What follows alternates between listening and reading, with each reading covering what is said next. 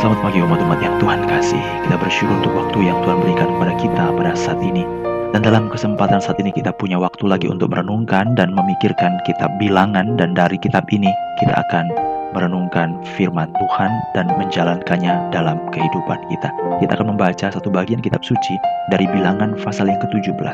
Bilangan pasal yang ke-17 kita akan baca pada ayat yang ke-5 sampai ayat yang ke-7. Bilangan pasal yang ke-17 ayat yang kelima sampai yang ke-7. Demikianlah firman Tuhan. Dan orang yang kupilih, tongkat orang itulah akan bertunas. Demikianlah aku hendak meredakan sungut-sungut yang diucapkan mereka kepada kamu, sehingga tidak usah kudengar lagi. Setelah Musa berbicara kepada orang Israel, maka semua pemimpin mereka memberikan kepadanya satu tongkat dari setiap pemimpin, menurut suku-suku mereka 12 tongkat dan tongkat Harun ada di antara tongkat-tongkat itu. Musa meletakkan tongkat-tongkat itu di hadapan Tuhan dalam kemah hukum Allah. Sampai di sini pembacaan kitab suci.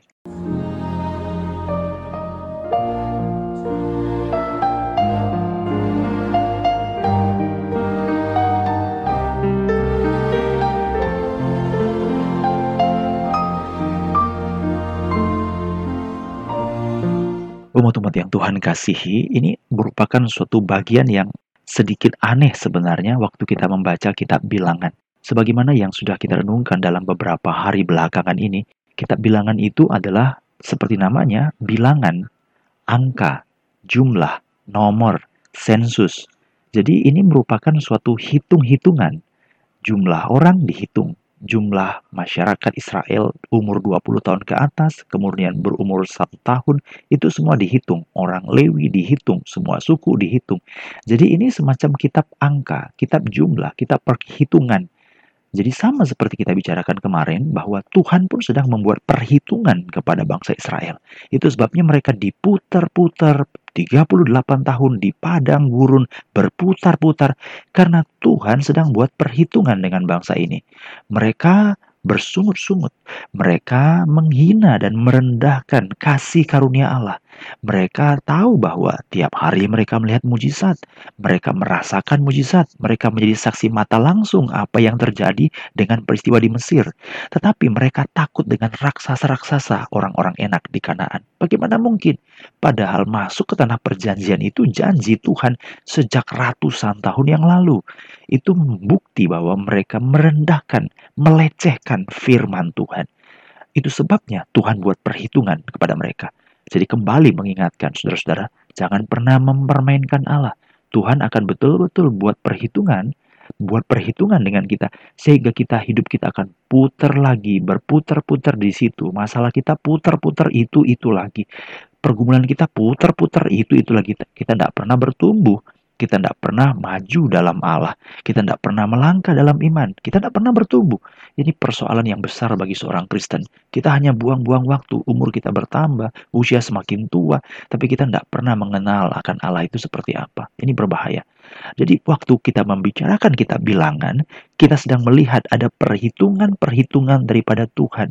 Dan aneh sekali karena harusnya bilangan itu yang menceritakan banyak tentang suku Lewi, dan kalau kita mundur dalam kitab imamat, harusnya di sana dong membicarakan tentang Lewi, tetapi tidak seperti itu. Justru dalam kitab bilangan. Apa ini? Ini merupakan satu hal yang menunjukkan justru dalam kitab bilangan, pemberontakan-pemberontakan yang paling banyak yang tercatat itu dalam kitab bilangan dan itu dikerjakan oleh orang Lewi sendiri.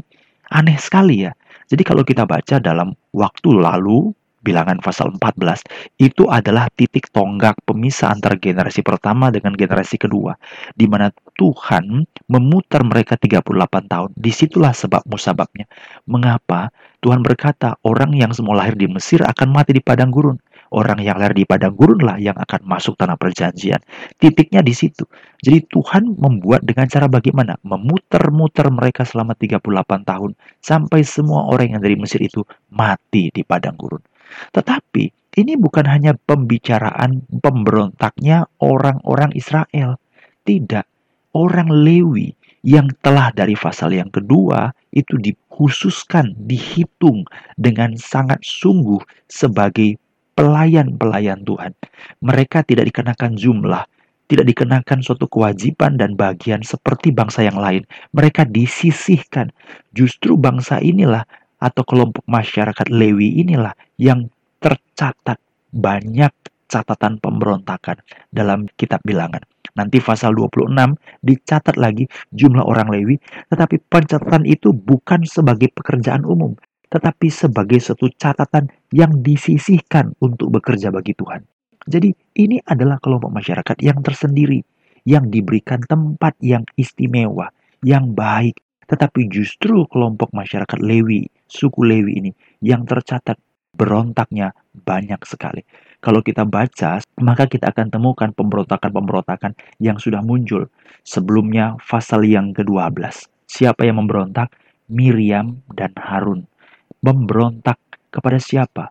Kepada Tuhan dengan Musa sebagai objek sasaran pemberontakan mereka. Siapa Miriam? Siapa Harun? Orang Lewi, pemimpin.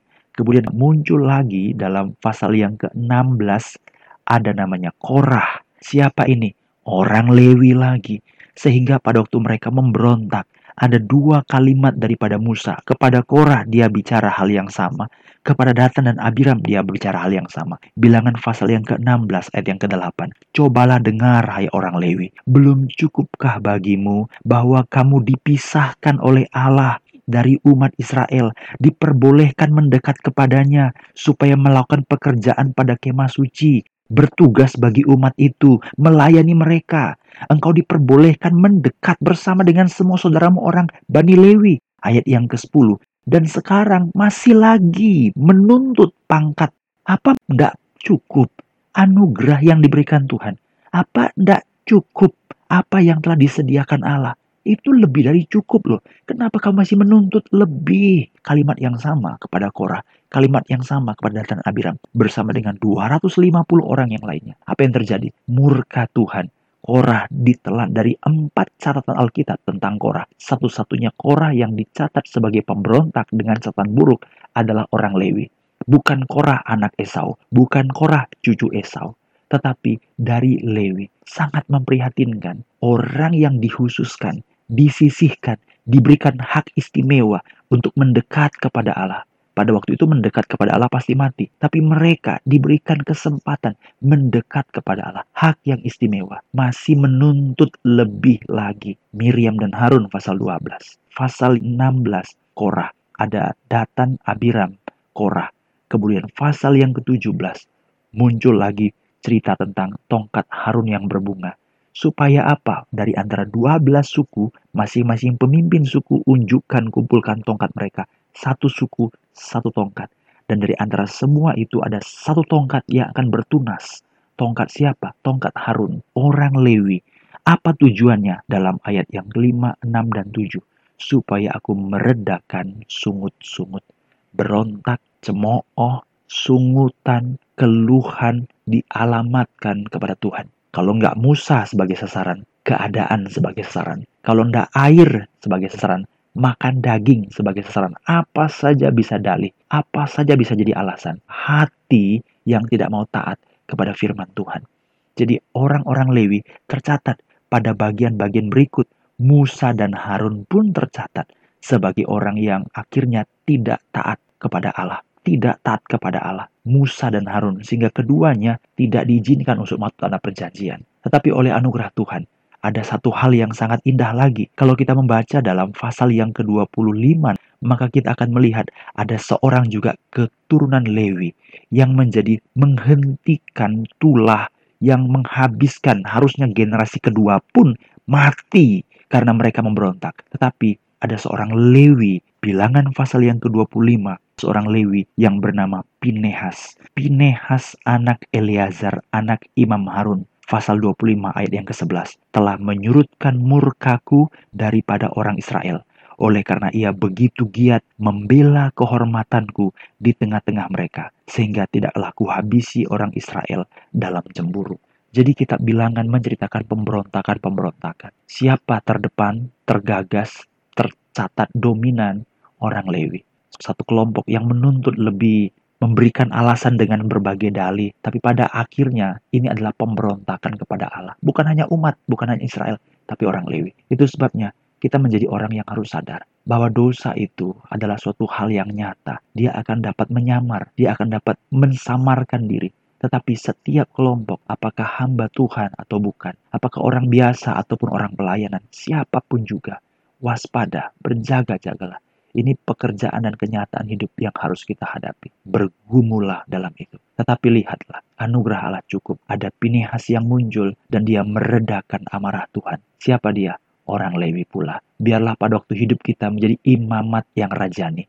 Bangsa yang kudus, kita bukan menjadi orang yang memberontak, menolak firman Tuhan, tapi kita adalah orang-orang yang menyurutkan murka Allah, menghadirkan belas kasihan dan kemurahan Tuhan di tengah kita. Karena kita adalah orang Lewi imamat yang rajani yang menyurutkan murka Allah seperti Pinehas. Ada dua pilihan. Saudara membangkitkan murka Allah atau saudara umat Tuhan, imamat Allah yang membangkitkan kasih karunia atau menyurutkan murka Allah.